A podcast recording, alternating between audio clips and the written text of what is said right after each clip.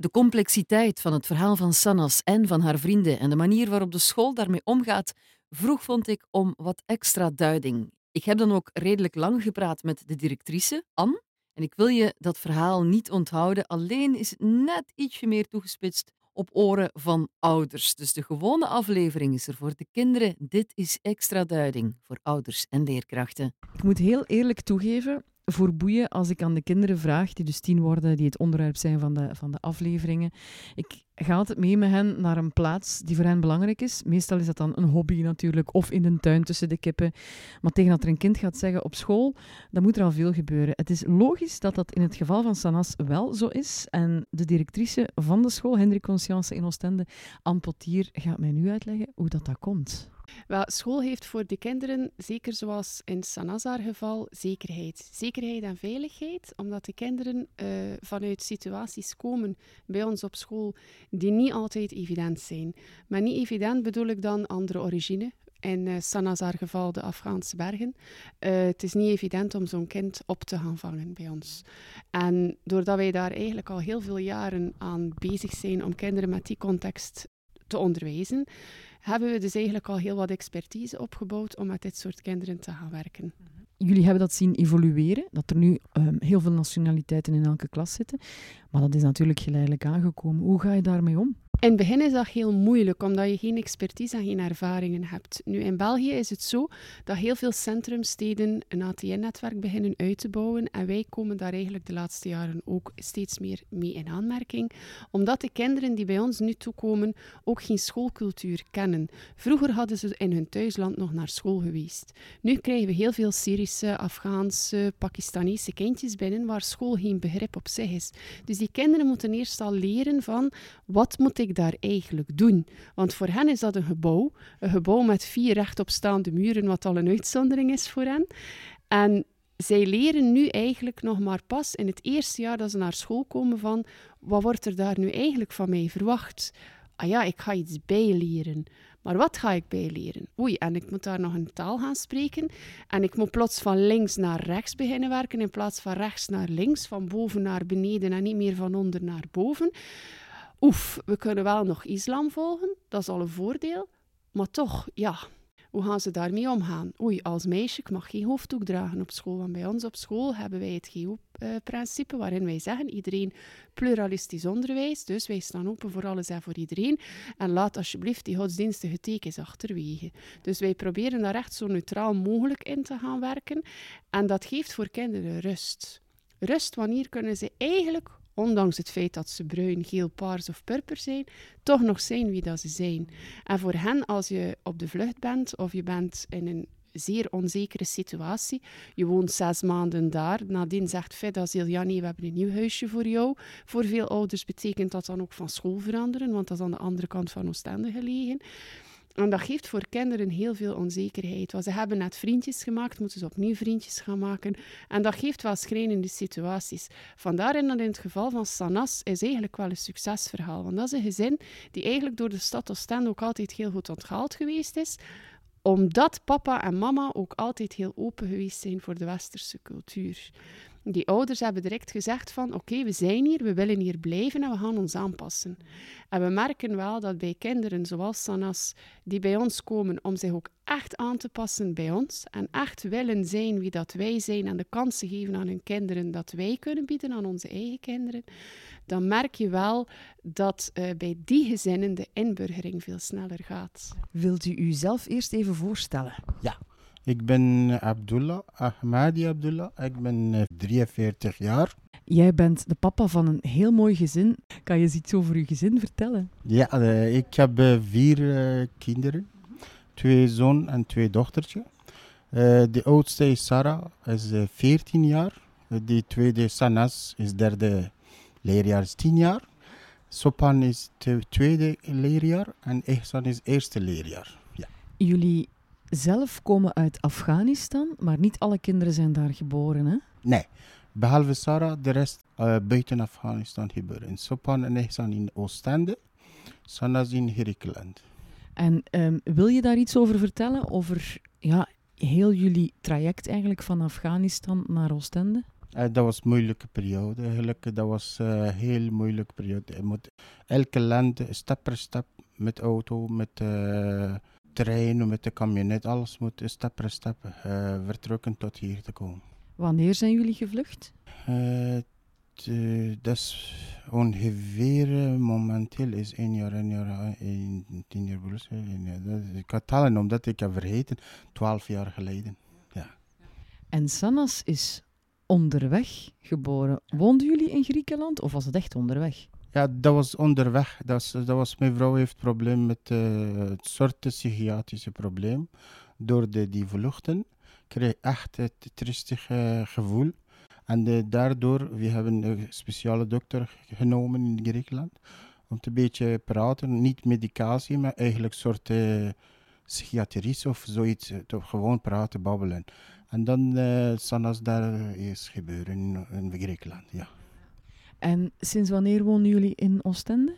Oktober 2010. 2011. Wacht, oké. 2011, ja. Sinds 2011. Dus dat is nu een jaar of acht. En hoe komt het dat jullie in Oostende zijn terechtgekomen? Was dat, werd, werd dat ineens zo bepaald door iemand of iets? Of hoe gaat dat? Uh, toen ik kwam in België eigenlijk, ik was in uh, hoe noem je dat, niet centrum. Dat was een soort uh, begeleiding, huis. Uh, en daarvoor, we komen met het project van Caritas in Oostende. En daar we zijn in huizen van Caritas gevonden. Daar hebben we bijna een jaar en half. En dan Caritas heeft gevraagd, jullie mag een ander huis zoeken. En dan daar, daardoor uh, we hebben in Oostende komen, ja. Oostende met de zee, met van alles en nog wat, wat jullie waarschijnlijk niet kenden, hè? Nee, echt niet, echt niet. Ik heb gehoord een paar dingen, bijvoorbeeld eh, toen ik kwam in Oostende met die mevrouw en Caritas. En heeft uh, verteld, oh Abdullah, Oostende is dicht bij zee, is zee, is mooi. Wat is de grootste cultuurshock voor jullie geweest? Uh, eigenlijk, die eerste dag ik kwam in Oostende, ik, die, die rundpunt. Van de, ja, er was één meneer en ik heb gevraagd gewoon, meneer, kan je uitleggen? Omdat, omdat ik even woon in elf maanden in Brussel. Daardoor ik heb geleerd een beetje Nederlander En ik gevraagd, eh, meneer, waar is de Aldi? Gewone vraag. en die meneer niks, niks, niks gezegd, niks. Gewoon, kam. En ik heb tweede keer gevraagd, derde keer. En mijn hart knopt beetje, beetje te veel. Hè. Mijn, mijn hoofd draait. Oh my, wat is dat? Hier is de Oostende. Is niet goed. Hè. Kan je dan een paar van die stappen uitleggen die je um, moet nemen in het begin als gezin? Beetje moeilijk om het uit te leggen, maar nu mijn gevoel is thuis. Gevoel is een beetje rustige plek. Heel, uh, omdat ik heb drie kinderen hier gegroeid en al elke dag ik zie de mensen, veel mensen hier bekend. Door de, die kinderen en door de school of door de alles. Hè.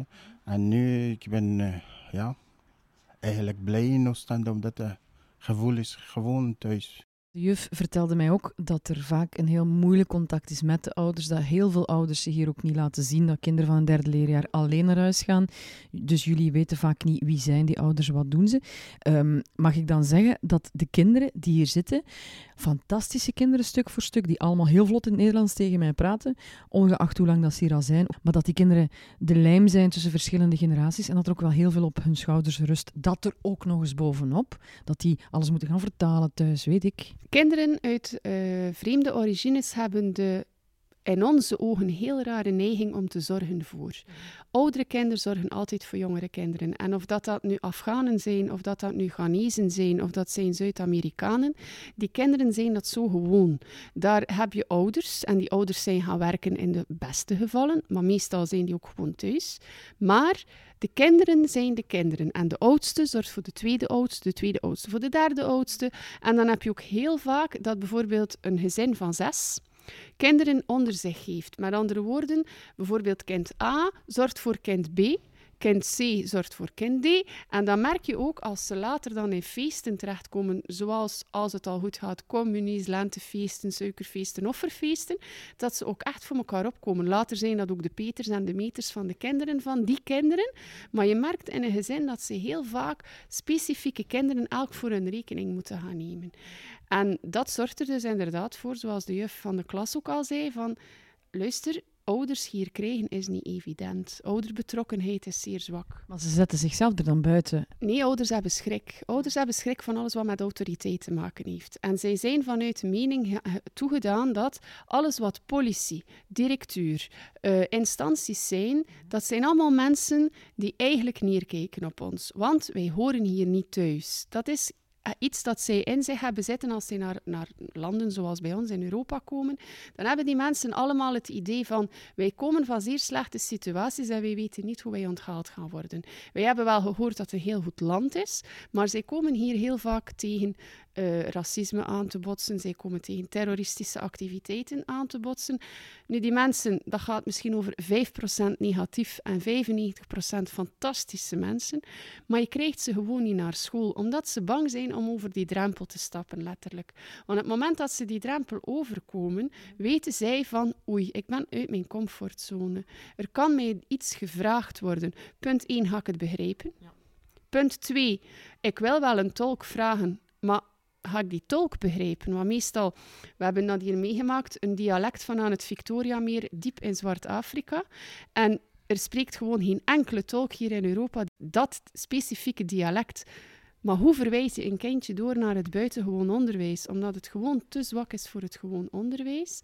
Door naar een onderwijs die heel goed zou zijn voor dat kind, maar je krijgt dat niet uitgelegd omdat je gewoon niet met die ouders kan communiceren. Resultaat is dat kindje zit inderdaad wel nog bij ons op school, maar zal nooit de capaciteit kunnen ontplooien dat hij misschien in zijn thuisland wel had kunnen. Maar dan stel je weer de vraag, dat kindje komt vanuit een, ja, een gemeenschap waar ze in hutjes in de savanne leefden daaraan dat Victoria meer en dan vlucht dat. En dan komen die mensen bij ons terecht. Mijn eerste gedachte als directeur is dan altijd: ja, dat gaat niet zomaar in één dag de vlieger op en je komt hier aan op Zaventem. Nee, die mensen hebben een jarenlange sleep achter zich. Die rugzak van die kinderen zit bomvol ervaringen, trauma's ook. En dan komen ze hier en dan verwachten wij als school. Je komt bij ons in de klas binnen, je gaat plots een nieuwe taal leren en je gaat met de eerste keer mee zijn met ons. En dan moet je nog mee zijn in een land waar de lat qua onderwijs dan nog eens heel hoog ligt dan hebben die kinderen gewoonweg geen aansluiting. En dan moet je gaan zorgen dat dat welbevinden er wel nog blijft. En ik kan je verzekeren dat de hele uitdaging is voor elke leerkracht, elke dag opnieuw weer bij ons op school, om daar aansluiting bij te vinden. Want, en daar blijf ik nog altijd bij, de grootste problematieken binnen rassen en culturen zijn niet van de Europeaan naar de vreemdeling toe. Zit tussen vreemdelingen. Je zet bijvoorbeeld op een feest een Afghaanse ouder niet zomaar naast een Nigeriaanse ouder. Want daar kunnen zij niet mee om. Zij vinden dat gewoon lui mensen. Ja, maar je moet het ook maar allemaal weten, hè?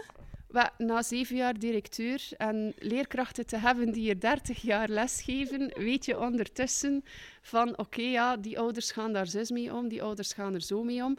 Wat kunnen wij en onze vaak rotverwende, meestal witte kindjes leren van kinderen als Sanas? Ik geef daar altijd hetzelfde voorbeeld op. En dat is, mijn eigen kinderen zitten hier bij mij op school. Heel bewust als ouder gekozen om mijn kinderen bij mij op school te laten. Want iedereen zegt altijd, ja maar uh, mevrouw de directeur zijn, dat is allemaal wel fantastisch en leuk, maar uiteindelijk zit je daar met 25 nationaliteiten. Je gaat daar toch dat kind niet insteken. En dan zeg ik tegen vrienden, familie, kennissen, tegen iedereen altijd opnieuw hetzelfde. Als ik met mijn kinderen naar Disneyland ga en ik sta bij bijvoorbeeld uh, een attractie aan te schuiven. En er zijn daar mensen aan het poetsen. In Frankrijk zijn dat heel veel zwarte Afrikanen. Dan heb ik kinderen die soms naast mij in de wachtrij staan, die zeggen tegen hun mama: Kijk, mama, er staat daar een zwarte de vuilnis op te vegen. En dan hoor ik die ouders tegen hun kinderen zeggen: Zie maar dat je goed studeert hoor, dat hij dat later niet gaat moeten doen, want die mensen zijn nooit naar school geweest. Wat zegt mijn kind daarop? Zeg, mama, heb je dat gezien? Als die meneer dat stokje naar beneden doet, dan klapt dat vuilnisbakje open en dan kan hij dat daar mooi invegen. Mijn kind kijkt naar de techniek van het vuilbakje. Het kind voor ons keek enkel en alleen maar naar de kleur van de handen die dat bakje bedienen. En dan zeg ik bij mezelf, wat kan ik als ouder het beste meegeven aan een open maatschappij voor mijn kind? Als we kunnen samenleven, wij kunnen verdorie veel leren hoor, van hen. En omgekeerd natuurlijk ook. Mag ik jullie bijvoorbeeld feliciteren met... Ik zag net de klas van Sanas naar de yogales trekken, meditatie. Ja, gesponsord door Kiwanis, door de Rotary Club hier in Oostende, van de dames van de Rotary. Wij zijn hen al jaren, tien jaar voor het meer bepaald, uh, heel dankbaar hiervoor. Uh, door de relaxatie kunnen kinderen ook met migratieachtergrond uh, leren om dus te relaxeren, ademhalingstechnieken, weerbaar te worden tegen zichzelf, maar ook tegen een heel donkere maatschappij de dag van vandaag. Zij leren met elkaar omgaan in plaats van tegen elkaar in te gaan. En wat leren zij daar ook? En dat is een van het mooiste zaken, vind ik persoonlijk, dat je als onderwijzer kan meegeven aan de kinderen. Dat is leren leven met elkaar en niet tegen elkaar. Praat een keer met elkaar. En als het jou niet gaat, maak vuistjes in je zak, adem tien keer diep in en uit en probeer het dan nog eens opnieuw. En wij merken dat dit zoveel helpt bij kinderen. En hoe jonger geleerd, hoe beter dat ze het zullen onthouden. Hoe belangrijk is school voor die kinderen? Die zijn heel veel uh, meer gesteld op structuur. Die hebben dat ook nodig, omdat ze de taal niet begrijpen. Dus wij gebruiken heel veel pictogrammen en zo, waardoor dat het op school heel gestructureerd is. En wij merken dat die kinderen dat ook uit zichzelf veel meer zijn. Want voor hen was het vroeger zeer simpel.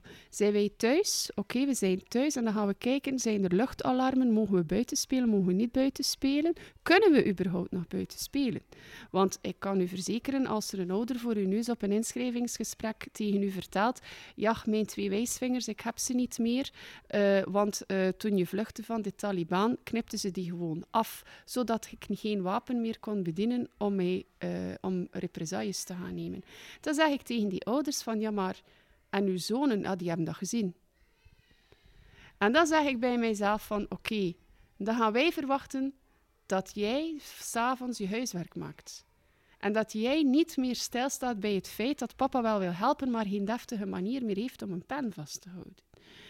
En dat gaat je als uh, directeur, als leerkracht, als zorgverstrekker heel goed gaan nadenken over, ja, maar wat is nu de essentie van het onderwijs?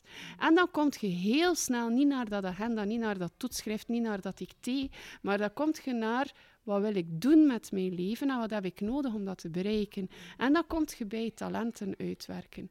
En dan zeg ik altijd tegen mijn leerkrachten ook, als het huiswerk niet gemaakt is, heeft dat misschien een heel andere reden dan ik wil het niet maken. Misschien heeft dat kind geen bureau, geen balpen, überhaupt geen tafel en geen stoel in huis. En kan het gewoon op de grond geen prentje uitknippen omdat het nergens geen schaar heeft. Dus dat zijn zo allemaal van die zaken die zo moeilijk zijn voor kinderen. Nu, we spreken over migratie, maar wij hebben hier op school nog heel veel kinderen die leven in kansarmoede. Als jij in een slaapkamertje moet slapen waar het water van de muur loopt, waar de schimmel bij de verwarming staat die toch nooit opstaat, want er zijn geen centjes voor de verwarming, dan heb ik altijd de vraag bij mezelf: zou ik dan als tienjarige op dat bed zitten en denken bij mezelf: ik moet mijn schrift nog open doen en mijn woordpakket overschrijven. En moesten we allemaal een keer gewoon in eigen boezem kijken, dan zou je merken dat scholen zoals de onze juist een meerwaarde zijn voor kinderen. En zeker voor onze witte kindjes. Want die beseffen, ik heb thuis geen zoon die gaat schooien naar een hoeverbord of naar weet ik veel wat. Die is gewoon blij met zijn step. Want, wat moet hij met de hoeverbord bij ons op de speelplaats? Niemand heeft dat. Wat is er daar fun aan? Nee, die oude step van broer die al verroest in de garage staat, is veel toffer, want zijn beste vriend heeft er ook zo een. En dan weet je bij jezelf, dan ben ik als ouder goed bezig, want dan snapt mijn kind de essentie van het verhaal. Ik kan perfect gelukkig zijn met de basis. Ik hoef al die luxe niet. En als uw kind jarig is en hij neemt snoepjes naar school mee, en hij staat in de winkel en ik wil er weer over de top gaan met nog van alles en nog wat van weet ik veel welke prularia erbij. En mijn zoon zegt, nee, nee mama, gewoon een doos met lekstokjes zal voldoende zijn. Ja, dan weet ik ook weer waar ik sta. Hè. Super. En zo maak je er wereldburgers van, hè? Dat hoop ik dan toch in de eerste plaats. Nu, het GO-onderwijs is daar wel een heel mooie stimulans voor. Door onze uh, openheid dat wij hebben, door ons pluralisme, door niet het verplicht naar godsdienst te gaan kijken, heb je natuurlijk heel wat meer mogelijkheden dan in het vrij onderwijs. En het is o zo mooi om een keer mee in een moskee te gaan. Het is o zo mooi om die protestantse kerk binnen te gaan. En wij doen dat eigenlijk ook elk jaar met onze oudste kinderen. Vijfde, zesde leerjaar gaan op zoek naar de heilige huisjes. En dan worden ook echt al de verschillende godsdiensten bekeken vanuit hun eigen perspectief. En geeft meneer Pastoor uitleg? Ja. En meneer Pastoor van de protestantse kerk ook. Maar voor de imam is er ook een plaatsje. Er is een plaatsje voor hindoe, er is een plaatsje voor boeddhisme, er is een plaatsje voor alles. Zeg, um, Anne, ik, ik moet het vragen, ik wil het niet vragen, maar uh, het, het, hangt er hier vol van schrijnende verhalen, hè? Heel schrijnende verhalen, maar ik zelf, doordat ik er meestal als eerste mee in contact kom, kan leerkrachten afschermen. Want leerkrachten hebben niet altijd nood aan het volledige verhaal. Soms moet je enkel en alleen maar doorgeven wat noodzakelijk is, wat relevant is om de werking met dat kind te bevorderen. Maar wat ik ook ondervind is, als er niemand de migratieachtergrond kent, dan merkt je wel dat je bepaalde informatie tekort komt. En op sommige punten heb je die echt wel nodig. Voorbeeldjes. Um, brandalarm. Oefening. Drie keer op een jaar, zoals in elke school in Vlaanderen. Brandalarm. Je steekt hem aan. Oké, alle klassen evacueren, geen probleem. Bij de peutertjes wat traantjes, allemaal typische zaken voor uh, begin van september. Ja, waar zijn Maria en Mayra? Geen flauw idee. Directeur, ik ben twee kinderen kwijt. Vijfde leerjaar. Oei, waar zijn Mayra en Maria? Ga zoeken. Waar zaten Mayra en Maria? Achter de toiletpot in het toilet. Volledig weggestoken tussen de wand en het porselein van het toilet. Ja, en nu hé? Wat doen jullie hier? Waarom zijn jullie niet mee met de klas? Ja, maar de tsunami komt eraan. En wij, oeh, de tsunami komt eraan. Ja, maar bij ons is dat gewoon het signaal dat er een tsunami aankomt. Dat is gewoon, dat staat bij ons op elk gebouw. Dat is krak hetzelfde lawaai. Wij dachten dat er hier ieder moment een vloedgolf ging afkomen. Ja, ze zitten aan de zee, juf. Ja, dat klopt wel. Maar zij waren gewoon op zoek naar de veiligste plaats in Nicaragua. En dat is heel simpel. Dat is in het toilet of onder de trap. En ze hadden nog twee mogelijkheden, want een aardbeving behoort ook nog tot de mogelijkheden. Dus zij waren hun aan ja, de wereld die verging. Ander voorbeeld, we gaan zwemmen. Oké, ja, we gaan zwemmen. Derde, vierde leerjaar stapt op de bus, komen aan in het zwembad. Oeh, waar is Mohammed? Hij was in mijn rij hoor, echt waarheid, meester van Turn. Hij was echt mee. Ik ben, ik ga ik moeten bellen directeur, ik ben ik hem kwijt. En waar is hij nu? Gaan zoeken op de bus, busfirma afgebeld, hij Mohammed te vinden directeur, ben Mohammed kwijt, ergens tussen de school en het zwembad. Dan zeg ik altijd bij mezelf, wacht, één moment. Mohammed, Mohammed. Mohammed komt uit Syrië. Oké, goed. Wacht. En dan valt meestal mijn frank nogal zeer snel. Dan ga ik naar de deur waar ze vertrokken zijn en waar zat Mohammed? Juist achter de deur. Mohammed zag het niet zitten om op een bus te stappen, want Mohammed heeft in een vrachtwagen gezeten. Hij had niet zomaar daar nog eens in kruipen. En dat was de eerste zwemles sinds Mohammed bij ons op school zat. Had daar één leerkracht nog aan gedacht dat Mohammed misschien niet op die bus ging durven? Tuurlijk niet, want Mohammed is gewoon een deel van het geheel. En we zorgen gewoon voor elk kind evenveel. Had de juf aandacht besteed aan dat op de bus stappen? Helemaal niet, want wie gaat daar nu aan gaan denken als westerse persoon dat een bus een probleem zou zijn? En achteraf is dan gebleken na gesprekken met ouders, na gesprekken met Mohammed zelf, heel moeilijk, want ze spreken allemaal de juiste taal niet, dat Mohammed gewoon bang was. Want Mohammed dacht dat hij met die bus terug naar het asielcentrum ging gaan en dat hij terug ging keren van waar hij kwam. Want wat is voor dat kind een bus en een vrachtwagen? Iets helemaal anders dan voor ons. En dan zeg je bij jezelf van, oké, ja, zover had ik nu ook weer niet gedacht. Dus wat zeggen ze in de Vlaamse cultuur rond migratie? Vraag nooit naar de vlucht stroom dat ze hebben meegemaakt. Vraag niet naar afkomst. Vraag niet naar wat heb je meegemaakt. Wat merken we in de praktijk? Dat we dat af en toe echt wel nodig hebben. Want als ik niet weet dat Mohammed zelf in een bootje gezeten heeft, zoals je op tv ziet, dan moet ik niet proberen om Mohammed te leren zwemmen. Want Mohammed heeft een hemelse schrik van water. Enkel en alleen maar omdat hij terugdenkt aan de dag dat hij in dat water heeft gestapt om uit dat, om uit dat land te geraken. Maar ook westerse kinderen hebben een verhaal en komen ook soms rare dingen tegen. Ik veronderstel dat ik het antwoord op de vraag weet, maar terugkeren naar Afghanistan? Eigenlijk, ik ben bijna twaalf jaar niet gezien. Dat was een moeilijke periode, maar eigenlijk ik wil niet eh, risico nemen om de familie. Ja, ik heb, heb je gezegd, ik heb prachtige vier kinderen. hè. Toekomst van de kinderen is belangrijk dan eh, mijn verhaal of mijn verhaal vroeger ik heb achtergelaten. Mijn droom eigenlijk gewoon eh, een beetje eh, menselijke gevoel, menselijke gevoel. En met, niet met de ogen of met de mond werken, maar werken met de, met de hart. Ja, met de mensen, contacteren met de hart. Dat is alles. Met de liefde. Met de liefde.